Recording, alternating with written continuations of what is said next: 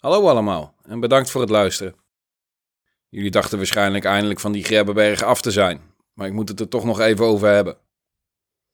De reden dat jullie namelijk zo'n uitgebreid verslag hebben gekregen over die slag, dat wil zeggen vier afleveringen van totaal een kleine zes uur, is omdat ik die slag gewoon het best ken.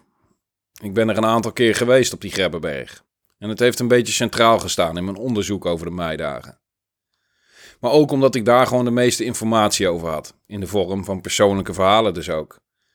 Die heb ik over andere slagvelden en belangrijke momenten in de meidagen minder ter beschikking. Kijk, die Grebbeberg is het grootste slagveld van allemaal. De meeste slachtoffers, de grootste hoeveelheden troepen. Maar toch kunnen vier grote afleveringen ten opzichte van alle andere afleveringen aanvoelen als een onevenredig groot aandeel voor de Grebbeberg. Maar daarmee wil ik die andere slagvelden dus zeker niet tekort doen.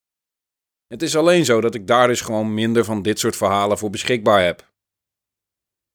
Maar we gaan dus in de komende afleveringen iets meer in algemene termen praten. We houden het iets meer bij de hoofdlijn. En dus zal er iets minder aandacht zijn voor persoonlijke verhalen. Maar als ik ze ter beschikking heb, dan zal ik ze zeker met je delen. Maar deze mededeling dus even vooraf, zodat jullie ook weten waar je aan toe bent. We gaan beginnen. We gaan verder, moet ik zeggen. Met het verhaal over dat stukje oorlog in mei 1940. Zoals je waarschijnlijk aan de voorgaande afleveringen hebt kunnen merken, was het verloop van de oorlog niet gunstig voor Nederland. We waren niet bepaald aan de winnende hand. Natuurlijk waren er een aantal lokale successen geweest, en niet alleen kleine. Er werd behoorlijk weerstand geboden. Eigenlijk overal wel, meer dan verwacht. Zonder slag of stoot ging het in ieder geval allemaal niet. Maar de Duitsers waren eigenlijk overal toch aan de winnende hand. En als ze niet doorgebroken waren, dan was er een doorbraak op handen. Het is eigenlijk heel simpel. Kijk naar alle slagvelden die we hebben behandeld. Aan de grens hadden we verloren. In Den Haag hadden we gewonnen. In Rotterdam was het nog onbeslist. In Dordrecht hadden we verloren. En bij de Grebbeberg hadden we verloren. Meer kunnen we er niet van maken. Lokale successen en momenten van moed. Felle gevechten, aanzienlijke verliezen. Ze kregen het in ieder geval niet cadeau. Het intimiderende effect van de nazi's met hun agressieve gedrag had in ieder geval niet iedereen voor ze laten terugdeinzen. Toch een niet te onderschatten gebaar, denk ik. De sterkste en gemeenste jongen van de klas laten weten dat hij in ieder geval wat klappen terug kan verwachten. En dat niet iedereen buigt voor zijn terreur. Er zouden nog heel veel meer mensen moeten gaan opstaan tegen deze boelie. In de meidagen van 1940 deden de Nederlanders dat. Verslaan? Nee, dat niet. Maar iets terugdoen, dat wel. Meer zat er niet in. Die nazi-trein was niet te stoppen. Die walste overal overheen en waren militair gewoon zoveel verder. Waren in veel opzichten gewoon de ultieme vijand. Heel West-Europa werd in een paar weken tijd onder de glimmende lederen laarzen van de nazi's platgewast. Met fascistisch fanatisme en Duitse grondigheid. Het was een militaire macht waar je u tegen zegt. Die in korte tijd opzienbarende veroveringen op zijn naam zette. Een militaire onderwerping van Europa die zijn weerga niet kent. Die slechts een historische gelijke kent in bijvoorbeeld Napoleon.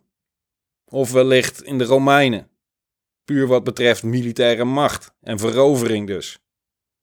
Maar in de Romeinse tijd was er naar verluid een plaatsje wat dapper weerstand bood. En nu ook. Eén plek. De enige plek in West-Europa waar de Duitse oorlogsmachine tot stilstand werd gebracht. De stelling Kornwerder-Zand. Op de afsluitdijk.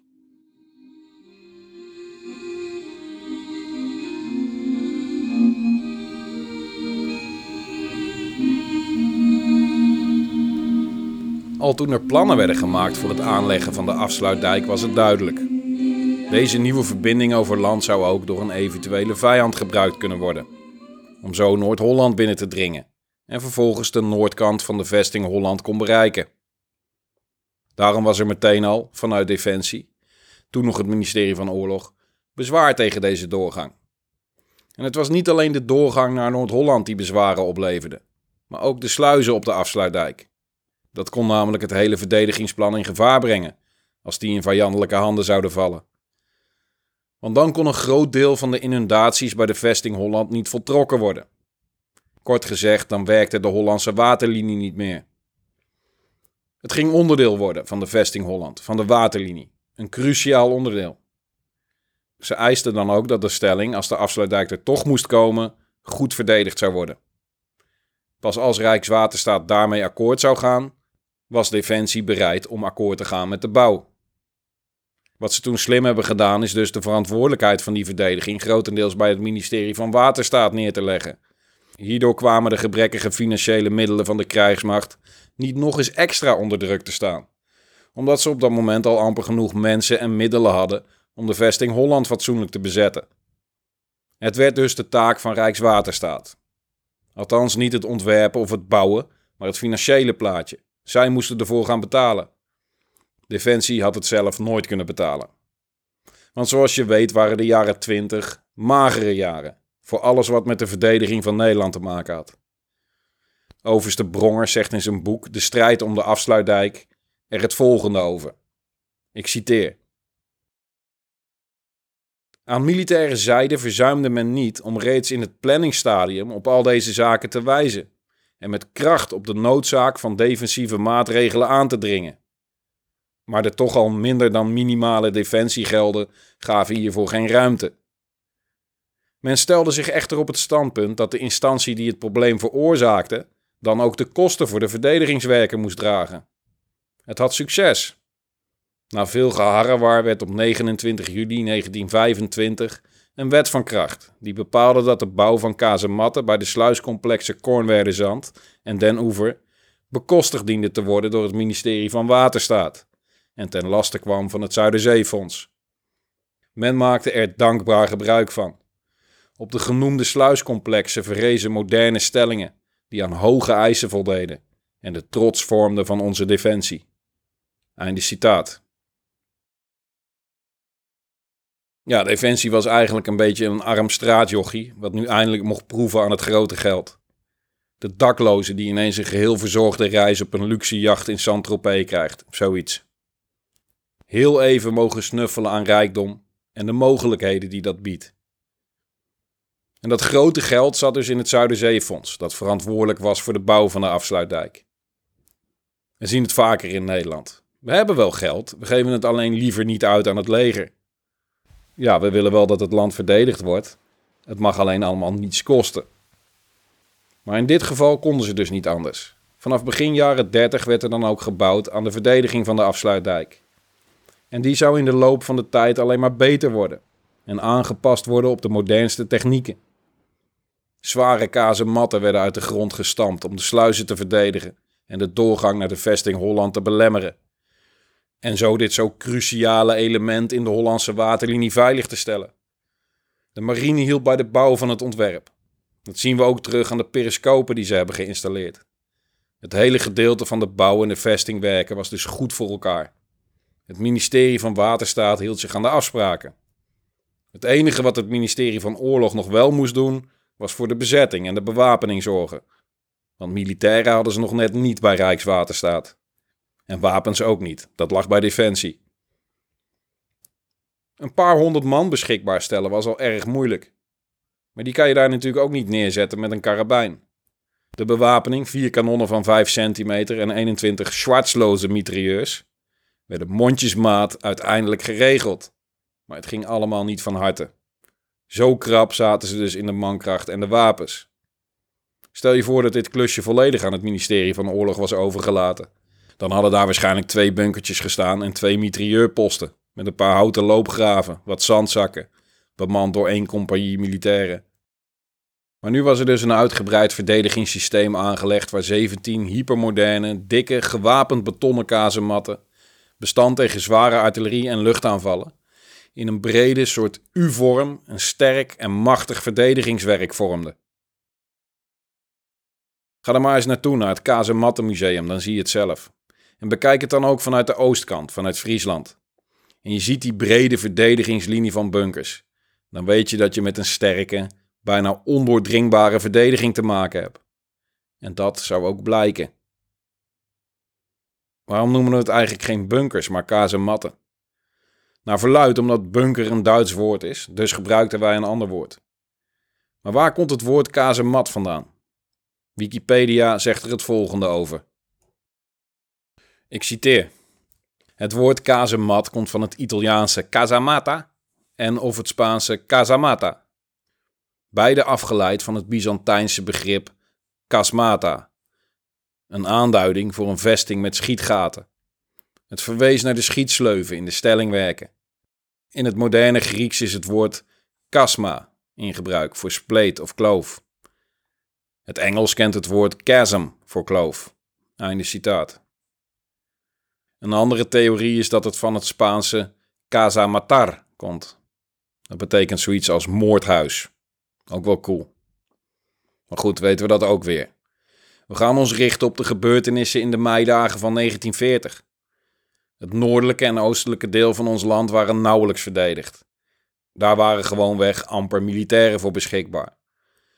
Toch moest, om onze neutraliteit geloofwaardig te houden, de grens worden verdedigd door militairen. Dit werd plichtmatig, maar mondjesmaat gedaan. De toegangswegen over de grens werden dan ook bewaakt door militairen. Verdedigd kan je het amper noemen. We hadden alle mensen hard nodig, dus die grensbewaking had vooral een symbolische functie. En de linies waarop ze zich mochten terugtrekken, de Q-lijn en de F-lijn, hadden vooral een vertragende functie. Deze werden nauwelijks bezet en nauwelijks verdedigd. Dit gold trouwens voor alle verdediging ten oosten van de verdedigingslinies bij de rivieren. De eerste verdediging begon eigenlijk pas zuidelijk van het IJsselmeer, grofweg van Zwolle tot Maastricht, langs de IJssel, de Waal en de Maas. Maar ook deze hadden in feite niet meer dan een vertragende functie. Een paar beschikbare bataljons voor de noord- en oostkant van ons land moesten dan ook uitgesmeerd meerdere taken uitvoeren. Ze waren verantwoordelijk voor de grenswacht, de kustbewaking en voor vertraging en versperringstaken. Maar goed, er was dus een enorm gebrek aan mensen en middelen. Voor het opblazen van bruggen waren er vaak geen explosieven of mensen beschikbaar. Bij houten bruggen waren er bijlen aanwezig of petroleum om de boel in de fik te steken, meer niet. Maar deze minimale maatregelen zorgden evengoed her en der voor wat oponthoud. Ja, wat oponthoud? Ik bedoel, dit is net als wat we bij de grensgevechten in aflevering 5 hebben besproken. Er werden hier toch ook weer gewoon bijzondere prestaties geleverd. Door zeer kleine groepjes waar je bijna niets van mag verwachten. Uit het boek van Brongers. Ik citeer. Bij de spoorbrug bij Winschoten wisten ze een panzertrein tegen te houden en de vijand terug te slaan. Met geconcentreerde aanvallen wisten de Duitsers daarna in korte, maar hevige gevechten de vertragingslijnen te doorbreken. Op de meeste plaatsen beten de verdedigers fel van zich af. Ten westen van Koevoorde kon sergeant van de Baarden met slechts drie man een afdeling van 633 man vier uur lang tegenhouden en verliezen toebrengen. De strijd werd opgegeven toen alle munitie was verschoten. Bij Oosterhesselen wisten 19 man onder luitenant Vrome ruim twee uur een nog grotere overmacht te weerstaan. Ook bij Sleen ontstonden hevige gevechten tot de vijand daar om 10 uur kon doorbreken. Bij het Haantje en bij Borger werden naderingspogingen van panzerwagens afgewezen. In de omgeving van Odoornerveen hield luitenant van de Zee met slechts twee soldaten en een lichte mitrailleur een duizend man sterke cavalerieafdeling meer dan een uur op. Hierdoor kon de terugtocht van andere groepjes worden gedekt. In de provincie Groningen werd hevige tegenstand geboden bij Ganzendijk en Nieuwolda. Bij het laatst gelegen dorp hield het peloton van Vaandrig Gerritsen ruim drie uur stand tegen 400 man. Na de doorbraken bij Oosterhesselen, Sleen en Nieuwolda was het elan er echter uit. De Nederlandse troepen trokken zich met grote spoed terug in de richting van de afsluitdijk. Einde citaat. Meer kon er niet van gevraagd worden. En veel meer was ook niet nodig. De Duitse troepen zouden namelijk onherroepelijk naar dat ene cruciale punt toe moeten: de afsluitdijk. En op dat punt, op die positie, werd hoog ingezet. En niet voor niets zou blijken. Maar de rest van de IJsselmeerkust werd vrijwel niet verdedigd. Ook daar waren gewoon geen mensen voor beschikbaar. De verdediging van het IJsselmeer om te voorkomen dat de Duitsers via Friesland naar de overkant zouden kunnen komen, of dat ze troepen achter de stellingen van Cornwerde Zand konden krijgen, lag op de schouders van de marine, van onze machtige IJsselmeervloot. Het IJsselmeerflottieltje, moet ik zeggen. Dat bestond uit een drietal verouderde schepen en nog een aantal bewapende motorboten. Maar de eerlijkheid gebied te zeggen, heel veel amfibische mogelijkheden hadden de Duitsers ook niet. Dat zou een hele lastige geïmproviseerde operatie worden. Een laatste strohalm. Dus hun eerste focus lag logischerwijs op die landroute, via de afsluitdijk dus. En de eerste min of meer serieuze stelling die ze daarvoor zouden treffen, lag voor de afsluitdijk, de wondstelling. Deze linie liep van Zurich in het noorden tot Makkum in het zuiden, zo'n 7 kilometer lang. De wondstelling lag in een halve cirkel ten oosten voor de afsluitdijk. Dit was een zeer, zeer zwakke stelling. De verdediging bestond uit soldaten van het 1e bataljon van het 33e regiment infanterie, voornamelijk Friese, en stond onder leiding van majoor Smit. De soldaten noemden de wondstelling gekscherend de Weonsstelling. Dat zegt genoeg. Met andere woorden, het was niet prettig om daar te moeten zitten. Zeker met in je achterhoofd dat niet ver daar vandaan een van de allersterkste en machtigste stellingen ligt die er op dat moment in West-Europa te vinden waren. Er was geen artillerie op de wondstelling. Er waren geen bunkers. Ja, houten kaas en matten. En wat haastig aangelegde veldversterkingen. De plannen om daar behoorlijke bunkers en loopgraven aan te leggen waren nog niet gerealiseerd. De stellingen waren in het vlakke terrein goed van afstand zichtbaar. En het was ook nog eens allemaal tactisch matig aangelegd. Terugtrekkende eenheden werden even goed geacht om naar stelling te nemen en de vijand te stuiten. Want de wonstelling had niet slechts een vertragende rol, zoals de linies verder oostelijk. Er werd echt van ze verwacht dat ze daar nog even behoorlijk weerstand zouden kunnen bieden. Pas als er een echte overweldigende overmacht kwam, pas dan konden ze zich achter de stelling Kornwerde Zand terugtrekken. Om die stelling te versterken of elders in Noord-Holland te worden ingezet. Lijkt me echt een vervelend idee om daar te moeten zitten. Dat je weet dat de stelling achter je zeer sterk is. Dat je daar wel echt een kans maakt. En dat jij open en bloot moet gaan zitten wachten op een overmachtige vijand. Om ze in het beste geval een tijdje op te houden. Waar je super kwetsbaar bent voor artillerie en niets terug kan doen. Dan moet je toch af en toe de neiging voelen om je meteen maar terug te trekken. En jezelf daar in die moderne bunkers te verschansen. Maar nee, zo werkt het niet. Je moet op je post blijven. Pas als je commandant bepaalt dat je mag terugtrekken, dan doe je dat. Tot die tijd is het stand houden en bidden dat je het overleeft. De wondstelling was wat dat betreft ook wel een erg matige positie. Je mag het eigenlijk niet eens een verdedigende stelling noemen. Het enige wat de vijand moeite zou kosten waren de inundaties in het voorterrein, hoewel die ook niet voltooid waren. Toch waren de Duitsers, in elk geval Leo Leixner, er wel van onder de indruk. Of hij maakte het groter dan het was. Hij was trouwens een oorlogsverslaggever die mee was om de opmars van de Duitse cavalleriedivisie door de noordelijke provincies mee te maken. Ik citeer. In Zurich, dat wij langs omwegen door overstroomd gebied bereiken. Zurich, een klein dorp, onmiddellijk aan de Noordzeedijk gelegen, is één vesting. Kazemat na kazemat. Wat op het eerste gezicht een doodonschuldige mesthoop lijkt, ontpopt zich bij nadere beschouwing als een veldversterking. Draadversperringen in samenwerking met diepe natte sloten, kanalen en onder water gezette landerijen doen een eventuele hierin gezette infanterieaanval een stoutmoedig waagstuk schijnen. Einde citaat. Kazemat na kazemat. Houten stellingjes dus. Meer was het niet. Hij weet het mooi te vertellen in ieder geval. We zullen zijn verhaal over de slag nog een aantal keer gaan gebruiken. Zijn verhaal is van grote waarde, want het geeft ons inzicht vanuit Duitse ogen. Hij is wel nogal pro-Duits en was naar mijn idee niet een geheel onafhankelijk journalist. Op 11 mei begonnen de Duitsers lucht- en artillerieaanvallen uit te voeren op de posities. Laag overvliegende toestellen maaiden de loopgraven leeg met mitrailleurvuur. De stellingen werden op deze manier behoorlijk uitgedund. Nu begonnen infanterieaanvallen op de noordflank van de stelling. Bij Zurich mislukte die in eerste instantie. Daar liepen de aanvallers vast in het drassige terrein en stuitten ze op behoorlijke weerstand. Iets zuidelijker tussen Gooium en Haaien werden de linies spoedig doorbroken. De Nederlanders begonnen zich daar terug te trekken. Ook Zurich begon terug te wijken. Het dorpje Wons was daardoor kwetsbaar op de flanken. Dat was het centrale punt in de linies. En aan beide kanten begon de verdediging dus terug te wijken. Toch werd er in Wons nog de hele dag gevochten, tot uiteindelijk de Duitse overmacht en de druk te groot werden. Toen trokken ze zich ook terug. Je moet je voorstellen dat die het volle gewicht van de Duitse aanvalsmacht over zich heen kregen. Luchtaanvallen, bombardementen, stormtroepen. Die veldversterking en dat ene bataljon waren daar geen partij voor. Enkele wisten de stelling Kornwerderzand nog te bereiken, de rest van de troepen werd gevangen genomen. De zwakke verdediging in Friesland was verslagen. Maar dat was toch niet zonder slag of stoot gegaan. Er is wel een hoop kritiek geweest achteraf op de commandanten daar bij de wondstelling, maar dat is niet helemaal terecht. Het lijkt er wel degelijk op dat ze er alles aan hebben gedaan.